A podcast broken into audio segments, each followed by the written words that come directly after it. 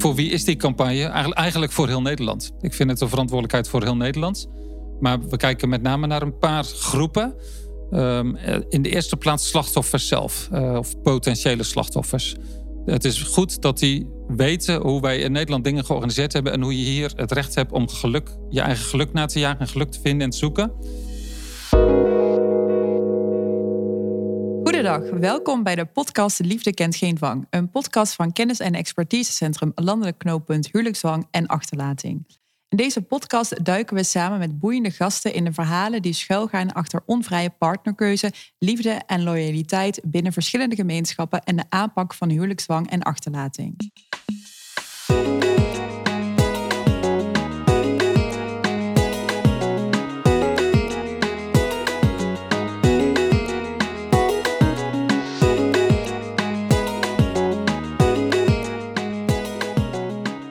Welkom iedereen bij weer een nieuwe aflevering van Liefde kent geen dwang. Vandaag spreken we staatssecretaris van VWS, Paul Blokhuis, over de zomercampagne tegen huwelijksdwang, achterlating en meisjesbesnijdenis. Vandaag natuurlijk ook aanwezig vaste tafeldame Dini Vlierman, manager van het landelijk knooppunt huwelijksdwang en achterlating. En mijn naam is Suhela Jelsen. Dankjewel. Dank je. Uh, meneer Blokhuis, welkom in onze podcast. We hebben afgesproken dat we je en jij uh, mogen zeggen. Um, vandaag een belangrijke dag, want je lanceert een landelijke campagne... waarmee de overheid uh, mogelijke slachtoffers van huwelijksdwang, achterlating en meisjesbesnijdenis... bewust wil maken van de situatie... en ook om hen te informeren over de hulp die beschikbaar is. Um, waarom is het zo belangrijk om deze campagne te lanceren? Nou, wij leven in Nederland in een vrij land. In Nederland kun je zelf je partner kiezen. Uh, en in Nederland uh, mag je zijn wie je bent, uh, welke geaardheid je hebt en van wie je wil houden. helemaal jezelf zijn. En daar passen absoluut dingen als huwelijksdwang en meisjesbesnijdenis en achterlating passen daar totaal niet bij. Die noemen we hier gewoon ernstige vormen van mishandeling. En ehm, nou, helaas komen ze nog wel vaak voor. Dat is afschuwelijk. Elke situatie is er één te veel wat mij betreft. Dus daar willen we uh, echt een um, verandering teweeg brengen. Het is echt een, er moet echt de cultuur moet wijzigen. En mensen die uit andere culturen hier komen, die willen we daar ook in meenemen. Ja, en zeker in de vakantieperiode is het heel relevant om daar uh, aandacht voor te vragen. Want dan speelt het met name. Dan zie je dus gebeuren dat meisjes uh, bijvoorbeeld eerder op vakantie gaan om duistere redenen. Uh, en ja, daar willen we wel expliciet aandacht voor vragen. En het is echt een verandering van cultuur. En daar moet deze campagne aan bijdragen. Ja, en hoe is deze campagne dan tot stand gekomen? Welke organisaties uh, en personen hebben hieraan uh, bijgedragen? Ja, al, het is al ruim een jaar geleden dat mijn, mijn, collega Hugo de Jonge, die was toen nog verantwoordelijk voor deze taak, die is nu vooral bezig met corona. die heeft het dus aan mij overgedragen, een hele belangrijke taak. dus ik neem dat ook met alle liefde de honneurs waar. Maar Hugo de Jonge die heeft samen met uh, Sander Dekker, de minister voor Rechtsbescherming, uh, het initiatief genomen. He, hebben ze trouwens ook andere ministeries bij betrokken, ook sociale zaken, ook justitie en veiligheid, ook onderwijs. Uh, en die hebben de actieagenda schadelijke praktijken gelanceerd vorig jaar. Nou, daar is een, een uitvloeisel daarvan is een uh, campagne. De bewustwording, dat is eigenlijk een van de belangrijkste zaken daaruit. Ze hebben een heel aantal actiepunten, maar een van de belangrijkste dingen is bewustwording. En dat hebben ze niet zelf bedacht in Ivoren Torens hier in Den Haag op ministeries. Maar hebben ze met heel veel mensen uit het veld gedaan. Dus uh, een groot aantal organisaties die, uh, die heel veel kennis en kunde heeft. Uh, het landelijk knooppunt van Dini, waar heel veel kennis zit, die is daar, stond daar vooraan zeg maar, om mee te denken. Ja. Maar ook ehm, Veilig Thuis, Federatie van Somalische Associaties in Nederland. Ehm, Sterk Thuis, VAROS, Vier, Vier Friesland.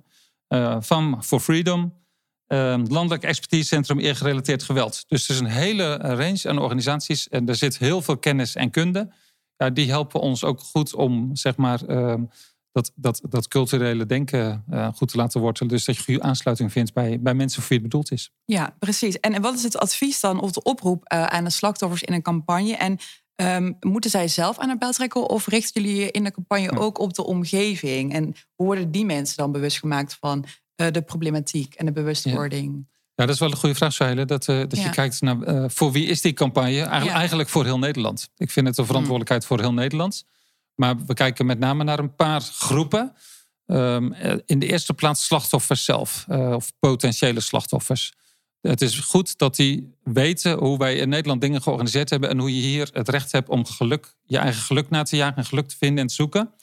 Uh, en ook waar jouw mogelijkheden liggen en waar je grenzen aan moet geven. Dus als zich iets voordoet, als je in een afschuwelijke situatie komt, dan is het goed dat je daarop geprepareerd bent en dat je daar ook goed kunt handelen. Dus het is gericht op slachtoffers. En er wordt ook verwezen naar uh, telefoonnummers van Veilig Thuis en andere belangrijke organisaties. Kunnen mensen die ook anoniem uh, ja, bereiken? dat is ook anoniem. Dat moet zo veilig mogelijk. en sterker nog, ik heb zelf ook zitten googlen, zelf gekeken op de website. Ik dacht ook bij het knooppunt, maar dat weet Dini veel beter. Maar het mooie is dat, kijk, je zit per definitie in een onveilige situatie als jij het risico loopt om een besnijdenis te moeten ondergaan als meisje. Of als je het slachtoffer dreigt te worden van huwelijksdwang. En wat ik het mooie vond was, uh, ik zat Google op de website en toen kreeg ik opeens ook de suggestie: wil je de zoekgeschiedenis wissen? Oh ja. Nou ja, al aan zulke dingen is zelfs gedacht dat uh, als uh, meisjes aan het googlen zijn geweest thuis en papa die gaat even op dezelfde laptop en die denkt: hey, waar is mijn dochter mee bezig geweest? Ja, dan heb je de pop aan dansen natuurlijk. Ja. Zelfs daar is aan gedacht. Supermooi. En dat zijn de slachtoffers. Maar zeker ook de hele omgeving is belangrijk. Denk aan het onderwijs, denk aan vrienden. Het is goed dat die bewustwording doordringt tot in de haarvaten. Uh, maar ook uh, twijfelende ouders. Hè. Je hebt ouders die in Nederland zijn komen wonen uit een andere cultuur, uit een Afrikaanse cultuur bijvoorbeeld. En die denken dat ze er goed aan doen dat ze bijvoorbeeld um, hun dochter naar de, op weg naar de volwassenheid te laten besnijden. Dat denken ze. Ja, want dan zijn ze gewend, dat zien ze. Ja, dat is culturele achtergrond. En die. Maar die hebben ook zoiets van, nou, die moeder die heeft dat misschien ook ondergaan. Denkt van, nou, geen pretje. Sterker nog, afschuwelijk. Um, moeten we dit wel doen? Die hebben dan vaak ook uh, drang, dwang vanuit familiekringen. En die gaan dan naar het land van herkomst. Nou, daar, uh, daar gaat het gebeuren. En die twijfelende ouders is een hele belangrijke doelgroep voor deze campagne. Dat die weten van, jongens, het is echt niet nodig. Je geluk kan ergens anders gevonden worden. En er worden ook alternatieven geboden. Dat vind ik ook het mooie. Bijvoorbeeld de weg naar volwassenheid kan je ook door hele mooie andere rituelen laten zien. Die alternatieven staan ook op jullie website volgens mij. Ook andere websites. Bijvoorbeeld een, een driedaags uh, soort mini-festival voor die dochter uh, met allerlei rituelen. Want dat is jouw weg naar de alle, volwassenheid. Alle rituelen die erbij horen zonder die, die Precies, die afschuwelijke lichamelijke ingreep. Ja, ja precies. Nou, uh, dus dat is, um, dat is gericht op de slachtoffers, maar ook op bijvoorbeeld twijfelende ouders. Ja. Um, en, en vrienden, school, heel breed. Ja, herken jij je, Dini, in wat de staatssecretaris zegt over die twijfelende ouders, zeg maar? Is dat de groep die het landelijk knooppunt ook uh, ziet, die ook bij jullie aankloppen? Uh, nou ja, wat wij zien is dat zeg maar, slachtoffers, maar ook de omgeving daarvan, uh, het toch wel heel vaak moeilijk en ingewikkeld vindt om te melden of om hulp te vragen. Dat kan komen door angst of schaamte. Uh, zeker als we kijken naar bijvoorbeeld naar huwelijksdwang, dan is de angst en de schaamte daarover heel groot. En dan wordt er vaak uh, toch wel ingestemd uh, met, hè, met de partner um, die wordt voorgesteld. Wat we zien bij achterlating is dat slachtoffers dat van tevoren helemaal niet weten. Ze gaan naar het buitenland, ze weten niet dat, het wordt achter, dat ze worden achtergelaten. Ze worden niet voorbereid in tegenstelling. Um, ze worden misleid en ze ontdekken pas daar dat ze worden achtergelaten. En dan worden paspoortstickets en dergelijke afgenomen, ja. zodat ze niet terug kunnen naar Nederland. Kan je ook zeggen, Dini, mag ik wat vragen aan Dini? Uh, ja, tuurlijk. Uh, kan je ook zeggen dat van die drie, hè, uh, meisjesbesnijdenis, huwelijksdwang en achterlating, dat achterlating het moeilijkst is om de vinger achter te krijgen en om wat aan te doen vanuit Nederland? Of, want die andere twee kan je misschien gerichter actie opvoeren en ook mensen gericht erop waarschuwen wat er aan zit te komen misschien. Ja, ik vind wel dat achterlating is het is ook ingewikkeld om vast te stellen. Vaak weet niemand het van tevoren. Ja. Hè? Je moet, er zijn geen specifieke signalen die wijzen op, uh, op een achterlating. Wat wij zelf wel vaak zien is dat er wel een periode is van, van conflicten in de familie. En soms wordt dan gezegd van, uh, nou, we, hè, we leggen het bij, alles is weer goed, laten we eerst op vakantie gaan. Nou, bij ons gaan dan eigenlijk de haren recht overeind en denken van oppassen, hè, Ja, wees ja. alert uh, hierop, Ja. vraag dat uit. Um, en het kan natuurlijk ook zijn dat er gewoon sprake is van een verhuizing. Ja, maar achterlating is per definitie natuurlijk ook altijd iets wat al dan al gebeurd is. Hè? Dat is heel moeilijk. Om, want dan, dan is het pas achterlating. Of dan is er daar pas sprake van. En dan, als sta, iemand dan sta je daarin zit. ver weg is dan zonder papieren. Ja, en dan? Daar sta je daar al. Maar we hebben het nu heel specifiek over die drie eh, dingen apart. Maar zie je, zien jullie ook, eh, Dini, dat dat in combinatie met elkaar voorkomt? Dus dat iemand te maken heeft met en achterlating en huwelijksdwang... en eh, de besnijdenis moet ondergaan als, als vrouw.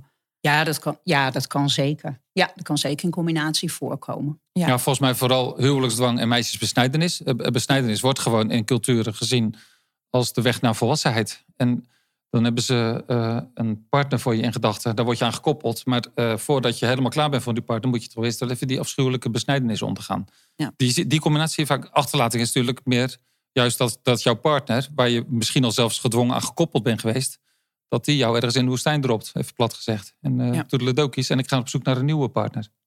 Ja, dat kan. En wat je ook wel ziet is dat er bijvoorbeeld sprake is van opvoedproblemen. Dat ouders uh, ja. gewoon niet in Nederland de hulp krijgen die ze zouden willen hebben. Of niet goed weten waar ze hulp moeten vragen. En dat zij dan zeg maar een soort van ten einde raad als laatste redmiddel laten ze dan hun kind achter. Bij familie bijvoorbeeld in het buitenland of op een strenge kostschool. Ja. Hey, en mensen die nu luisteren, want stel je nou voor dat je zo'n meisje bent die daar zonder paspoort, zonder papieren ergens in um, Ghana of in Somalië staat. Uh, wat adviseren jullie dan? Bellen? Of? Ja, wij adviseren van uh, probeer uh, zeg maar te bellen of uh, te whatsappen met, met, met de ambassade. Ze hebben ook een 24 keer 7 nummer. Dan kun je 24 uur per dag kun je, een app sturen of bellen. En die kunnen je verwijzen. Wat we echt niet adviseren is van hol meteen weg. We zeggen van ga eerst bellen want we moeten van alles. Hè. Het moet wel veilig zijn voor jou ja, het moet om weg te gaan. Gebeuren, dus het niet gewoon, ineens, uh... precies niet ja. eens uh, wegrennen. Dus over slachtoffers ook niet bang voor te zijn dat als ze berichten dat het meteen iets hoeft te betekenen, maar het kan ook gewoon voor advies zijn. Ja, zeker. Dat jullie aanknoppen. Ja. Nou, dat is mooi. Dat is niet alleen als je naar de ambassade belt, maar zeker ook naar, zeker ook naar Veilig Thuis bijvoorbeeld. Eh, wat je net al vroeg. Dat is, uh, je kan dat anoniem doen. Natuurlijk kan je naam geven, maar je kan ook anoniem bellen. En daar zijn de professionals zo goed geschoold dat ze ook weten van nou, dit is echt een heel serieus signaal. En dan kan je advies vragen of je kan ook melding doen van uh, mishandeling, geweld. Ja, um, en is het dan bekend ook uh, hoeveel vrouwen en meisjes er jaarlijks uh, in Nederland slachtoffer worden van besnijdenis? Weet je ja, dat, Faros heeft daar onderzoek naar gedaan in 2019. Dus die cijfers die moeten we eigenlijk weer actualiseren. En toen toen was het beeld dat in Nederland um, bijna 100.000 mensen uit de culturen hier wonen waar dit voorkomt. Dat zijn niet even zoveel slachtoffers, maar daar zit wel een hele grote potentiële groep in die dat kan overkomen. Want ze denken dat, eh, op basis van onderzoek, dat een kleine 50% ik geloof 43% van die groep potentieel slachtoffer is. Dus je hebt het in Nederland over tienduizenden mensen die het raakt. Ja, dus het is de helft eigenlijk ja, van de... bijna de helft. Nou, zeg, zeg maar iets van 43, 44.000. Maar dat zijn cijfers van twee jaar geleden. Ja. En er zullen er inmiddels helaas weer bij zijn gekomen. Hoewel met corona minder mensen naar die landen zijn gegaan. Ja, spreken jullie ook met deskundigen, sleutelfiguren uit die groepen zelf... om, om te kijken van hoe, uh, hoe je dat kan aanpakken, zeg maar? VWS uh, financiert ook de associatie van uh, mensen uit Somalië, de, uh, de, gemeenschap vanuit Somalië. En misschien wel een leuke ervaring vanuit mijn eigen praktijk toen ik wethouder was, niet staatssecretaris, in Apeldoorn. En mensen die luisteren denken misschien Apeldoorn, wonen daar mensen uit andere culturen. Nou, wel honderd verschillende culturen, maar het is geen Amsterdam. Maar daar hadden we ook iets heel moois en dat zie je in meer gemeenten. Daar werkten mensen vanuit de GGD, juist met mensen uit de andere culturen, bijvoorbeeld Somaliërs die gingen naar de gezinnen toe om ze uh, voorlichting te geven. En dat werkte echt heel, heel erg goed. Uh, omdat iemand uit de Somalische gemeenschap die wist waar Abraham de Mosterd vandaan had, zeg maar, hoe, het, hoe we in Nederland het organiseren, maar ook welke misverstanden er leven en welke onwetendheid er is. Um, die, die, die komen binnen in een gezin veel makkelijker dan ik. Ja, die, mensen vertrouwen die persoon. Ze, ze spreken de taal vaak. Ja. En um, ze kennen heel goed de culturele achtergronden. En wat ze in Apeldoorn deden, die zetten die mensen die we sleutelfiguren noemen, zetten ze in. En die ging in, eh, in gesprek met gezinnen. En dat was dan ook vaak, dan probeerden zoveel mogelijk mensen gewoon in één kamer. Dat kon voor corona gelukkig. Dat straks hopelijk ook weer. Gewoon een kamer vol mensen, een paar gezinnen. Ook de vaders. Die zaten erbij. En ja, eh, heel plastisch. Maar die hadden een pop bij zich van de GGT. Een soort, uh, een soort romp. En dan, lieten, dan zeiden ze twee dingen. Dat was een hoofdboodschap. In de eerste plaats, jullie zijn moslim. Jullie geloven in Allah. Super dat je dat doet. Maar Allah heeft nooit bevolen dat je meisjes besnijdt. Dat staat nergens in de Koran. Nou, dat is voor sommige mensen al een eye-opener van. Ik dacht dat er ergens wel een soera was waar dat... Uh... Nee, dat is helemaal geen... Dus dat is al een eye-opener. Maar in de tweede plaats laten ze dan zien met die pop... wat je met je dochter doet. Dat gaat heel plastisch. Dan scheuren ze gewoon een stuk daar uh, aan de onderkant van de huid weg. Uh, en zeggen ze, dit doen jullie. Of als je nog erger doet, dit, wop. En die pop die kan je dus... In, die kun je, dat kan weer terugplakken dan ja, dat is echt heel plastisch. Best confronterend ook wel. Super maar dus confronterend. Dus wel. Nou, Wat ik hoorde van de GGD-medewerkers, echt hele gedreven mensen. Joh, die, die gezinnen, die vaders, die vielen van een stoel van... Doe je, doe je dit met mijn dochter? En ze realiseren dus nog niet wat voor een pijn je doet... En wat voor een pijn je ze blijft doen. Dat mensen gewoon beschadigd blijven de rest van hun leven. Geen plezier meer aan seks hebben. Maar ook bij de menstruatie, bij de bevalling onwijs veel pijn hebben. En gewoon een heel stuk levensgeluk moeten inleveren. En ja, die aanpak, daar geloof ik heilig in. Dus die faciliteren we ook van harte. En ik hoop dat in steeds meer gemeenten dit ook een, een praktijk wordt. Dat ze sleutelfiguren op die manier inzetten. En uh, het is nu in de zomer. Hè? Waarom is het belangrijk dat juist in deze periode, hè, ook een vraag aan jou, Dini, dat nu de campagne van start gaat? Nou ja, eigenlijk zien we wel dat het het hele jaar door uh, uh, plaatsvindt. Wat natuurlijk in de zomer is, veel mensen die gaan op vakantie of op familiebezoek. Dus daardoor zie je wel uh, dat er altijd een piek is. Wat wij zelf zien is dat we voorafgaand aan de zomer meer adviesvragen hebben over uh, van professionals die uh, werken met een cliënt die bang zijn om gedwongen te worden tot een huwelijk of worden achtergelaten. En in, ja, midden in de zomer en aansluitend op de zomer zien we altijd een toename van meldingen. Ja. En er zijn ook, de, eh, dat, die bewustwording willen we ook creëren. Mag ik wat aanvullen? Tuurlijk, ik val er maar gewoon tussen. Maar we willen ook bewustwording creëren dat er signalen zijn waar je op moet letten als omgeving ook. Als bijvoorbeeld uh, iemand uit de Somalische gemeenschap of uit, uit Egypte als een jong vrouw, jong meisje zegt: Ik zou op vakantie, maar ik ga wat eerder, bijvoorbeeld.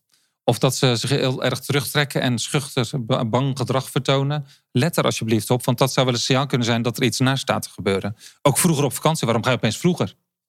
Bijvoorbeeld. Dus die signalen die staan op de websites van de verschillende hulpverleningsorganisaties.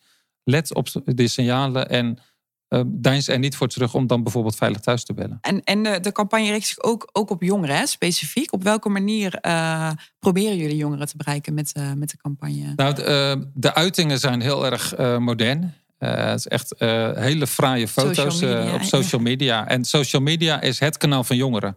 Want jongeren, die, de meeste jongeren weten al geen eens meer wat een tv is, bij wijze van spreken. Ik bedoel, Netflix wat, wat, is dat voor apparaat? Maar nee, die kijken wel Netflix. Dat doen ze nog wel eens via de televisie. Maar ehm, de, social media, dat is het kanaal. Dus die campagne die gaat ook via social media. En met hele sprekende uitingen. Dus ja, we hebben er goede hoop op dat we daarmee jongeren kunnen bereiken. Ja, mooi. Tof. Um, dan is het nu tijd om even in te gaan uh, op onze rubriek even inzoomen op. Um, we horen het verhaal van Ellen. En Ellen is case manager bij het landelijk knooppunt huwelijkszwang en achterlating en ze deelt met ons wat er door haar heen gaat als zij op Schiphol wacht op een jonge vrouw van 22 die als kind is uitgehuwelijkt en daarna zonder papieren door haar echtgenoot in haar geboorteland is achtergelaten. Ik wacht hier op jou. We kennen elkaar niet, alleen van de telefoon. Toch lijkt het alsof ik je ken. Je hebt me veel verteld over je leven in Nederland en hoe je door je echtgenoot en zijn familie bent achtergelaten in je geboorteland. Je wordt daar met de nek aangekeken, verstrikt in culturele regels en normen. Je was nog maar een kind toen je moest trouwen van je familie. Je kende je toekomstige echtgenoot niet en kreeg geen ruimte om hem te leren kennen. Je bent gedwongen, uitgehuwelijkt. Nu ben je voor de Nederlandse wet volwassen en mag je je eigen keuzes maken. Maar dit mag niet volgens de wetten van je geboorteland. Je wilt terug naar Nederland zelf keuzes kunnen maken, gerechtigheid. Dus ben je gevlucht uit je geboorteland op weg naar een veilige toekomst in Nederland. Daar heb je geen leven. Ze vinden je een slechte vrouw. In hun ogen heeft je echtgenoot je niet voor niks achtergelaten. Ik wacht op je. De afgelopen dagen heb ik heel veel gebeld en gemaild met allerlei instanties om van alles uit te zoeken. Heb je nog verblijfsrecht? Is er gevaar voor jou in Nederland? Welke dingen moeten er geregeld worden zodat jij je geboorteland veilig kan verlaten? En welke hulp heb je nodig als je in Nederland aankomt? Kan je ergens opvang krijgen? Dit en nog veel meer heb ik uitgezocht. En nu haal ik je op. Het blijft spannend. Is de reis goed verlopen? En hoe zal het je vergaan als je weer in Nederland bent? We hebben elkaar nog even gesproken, vannacht, toen je moest overstappen. Je kon bijna niet praten van de zenuwen, bang dat het toch nog ergens mis zou gaan. En daar ben je dan, weer in Nederland met één klein tasje in je hand. Ook hier ga je het nog moeilijk krijgen. Ik weet oprecht niet of dit de beste keuze is, maar het is wel jouw keuze. Vandaag zet je de eerste stap naar een onbekende toekomst. Jouw toekomst. Zo, het is een heftig verhaal om te horen. hè? Ja, wat gaat er door je heen als u dit eh, zo hoort? Ja, we zitten op eh, anderhalve meter afstand hè, vanwege corona. Maar Ja. eh, ik- je moet zien met de kippenvel. Ja. de, en de tranen springen me in de ogen als je zoiets hoort. eh. Ehm, ja, het is gewoon te afschuwelijk dat zulke dingen gebeuren anno 2021. eh, en het is ehm, echt super dapper als mensen de beslissing nemen om hulp te zoeken. Dat is al een dappere stap. Dat moeten mensen ook realiseren. Van, je bent niet een verliezer of zo. En het is zo afschuwelijk als je afgewezen bent. Dat er wordt gezegd van je hebt gefaald of je doet dingen niet goed. Dat is killing voor iedereen. Ieder mens wil bevestiging hebben. En dan is het heel goed als je die afgewezen persoon bent, dat je hulp gaat zoeken en probeert te werken aan een nieuwe start. En ik vind wel heel goed in die tekst dat er ook staat dat het niet makkelijk zal worden. Dat dat, dat ook wel eventjes bevestigd wordt van ga er nou niet even vanuit dat je het paradijs binnenstapt, maar het is een stap naar een nieuwe toekomst. En ik vind dat het aan ons in Nederland is, met z'n allen, eh, om eraan bij te dragen dat die mensen. Ik bedoel, ik heb zelf dochters. Hè? Ik, probeer het te projecteren naar mijn eigen meiden. Overigens gebeurt het ook met jongens natuurlijk, zelfs met mannen en vrouwen. Maar heel vaak met meisjes. Eh, super kwetsbaar. Laten we in Nederland een warm nest voor ze organiseren en, eh, en klaarstaan. En, eh, en ervoor zorgen dat, dat iedereen in Nederland mee kan doen. Ja, precies. Ik vond het ook inderdaad wel tekenend dat Ellen zei van... ik, ik vraag me oprecht af of dit de beste Ja. keuze is. Maar dit is jouw keuze. Wat, Ja. Is dat ook iets wat jij herkent, Dini? Dat als mensen ehm, eh, dan ineens alleen met een rugzakje over zijn... ook zonder familie, wat ook lastig is natuurlijk. Want je hebt ook familie die, ja, die echt naast Ja. je staat... en waar je ook van houdt en die ook van jou houden. Ja. Familieleden die er eigenlijk ook niet meer instemmen. Hoe, wat zien jullie daarbij slachtoffers? Dat zij ehm, misschien in sommige gevallen niet altijd op dat moment beter af zijn dan... Nee, ik denk dat dat zeker hart- zo is. Ik ja. denk dat ze op het moment hè, dat ze hulp zoeken, dan wi- willen ze heel graag terug naar Nederland. En de focus is heel erg op van, ik moet naar Nederland terug. En ja, oplossingsgericht. Heel Eh, erg oplossingsgericht. Ik moet hier weg, ik moet naar Nederland. Dus daar is hun. En dat snap ik ook. Dat is ook een overlevingsmechanisme. Hè. Je wil weg en dan ga je naar Nederland. En dan zijn de verwachtingen soms heel hoog. Hm. Van ik ga, ik ga weer naar school. Ik, eh, hè, ik, ik ga een HBO doen. Ik wil dit worden. Ik wil dat worden. En de realiteit is eigenlijk toch wel anders. Omdat je merkt van terug in Nederland moet je alleen, wel met hulp van professionals natuurlijk, maar moet je weer je hele leven opbouwen. En op het moment dat er rust komt, dan zien we vaak dat, eh, dat eigenlijk de klap komt en dat dan de ervaringen, de moeilijkheden die ze hebben meegemaakt, dat die dan komen en dat je dan toch ziet dat, eh, dat het er heel zwaar voor ze wordt en dat ze echt wel specialistische hulp en behandeling nodig hebben. Maar ik hoop niet dat eh, wat je zegt, in tenminste het is heel realistisch, hè, heel reëel. Maar dat, je, dat het niet een ontmoediging is voor mensen dat zeggen van nou weet je wat, dan blijf ik wel in. eh, oh nee, in, eh, zeker niet. Dus dat mensen ook zeggen van, maar dit is mijn bewuste keuze. Het is mijn keuze, het is mijn leven, dus ik maak die stap. En je ziet ook hele mooie verhalen wel dat eh, meisjes of mensen die hun grenzen aangeven, die zeggen no way, geen polonaise aan mijn lijf, geen meisjesbesnijdenis. Dat in het begin de familie echt op zijn kop staat van hoe kan dit? Maar er zijn ook voorbeelden dat de banden desondanks toch goed blijven in de Ja. familie. Dat, dat ouders het laten snappen en dat eh, er wel herstel mogelijk is. Ja, en dan kan al die andere generaties na dat meisje, alle jongere Ja. nichtjes of zusjes, dan is de weg een beetje Ja, opgebroken voor Dan ben je hun. Dat is je- natuurlijk voor ja, die anderen. Ja, precies. Ja, dan ben je dit, dat voorbeeld van het kan, zonder Ja. dat het schande betekent voor de omgeving. Mijn eh. collega's vragen dat ook altijd uit. Hè, van eh, hoe gaat het bij jou in de familie? Hoe, als je bijvoorbeeld kijkt naar huwelijksdwang, hoe wordt er bij jullie getrouwd? Ja. Is er ook iemand die een, eh, die een andere andere, keuze keuze, heeft heeft gemaakt? gemaakt. Hoe is dat dan gegaan? Is er iemand die, hè, die, voor, die voor jouw belangen kan opkomen? Wie is dat dan? Wie ma- maakt de beslissingen daarover? En dat is natuurlijk ook als je de weg naar Nederland gaat. Met, ja, met, met slachtoffers worden ook gewoon alle opties doorgenomen. Van nou, dit kun je doen, dat kun je doen. Wat betekent dat voor jou? Vooral, wat betekent dat voor jou? En ehm, ja, ons streven is natuurlijk om eh, iemand te ondersteunen om terug te keren naar Hm. Nederland. Maar het is dus niet alleen een vraag, ook met deze campagne, aan de slachtoffers of de potentiële slachtoffers zelf, maar juist ook aan de omgeving. En ik vind eigenlijk een opdracht aan heel Nederland. En het is wel heel groots wat ik zeg, maar wat Dini aangeeft, van het vaak, valt vaak tegen. Het is niet even die HBO-opleiding die klaar staat en een zonnige toekomst. Nee, Maar daar kunnen we wel met z'n allen aan werken dat mensen wel in een warmer nest terugkomen en echt perspectief en toekomst krijgen. En dus dat vind ik opdracht voor mezelf, eh, voor het ministerie VWS en andere betrokken ministeries, voor de gemeente, hulpverleningsorganisaties en eigenlijk ook voor de buren, voor iedereen die in jouw omgeving ertoe doet. precies. Mooie oproep, inderdaad. staan wij volledig achter natuurlijk. Ehm, in het verhaal van Ellen hoorden we ook dat het best wel moeilijk is om iemand uh, die in het buitenland zit te helpen naar Nederland uh, te gaan. Dus die repatriëring. Zijn er nog wat andere dingen die de politiek ook kan doen om, om dat uh, te verbeteren? Die, Doe je specifiek voor die repatriëring? Ja. Nou, is wel wat Dini zegt. ik denk dat ambassades daar een belangrijke rol in kunnen spelen. Maar je overvraagt me eerlijk gezegd wel een beetje als, als je die vraag heel specifiek stelt. Omdat ja. dat wel het specialisme is van buitenlandse zaken, waar ik echt geen kaas van heb gegeten.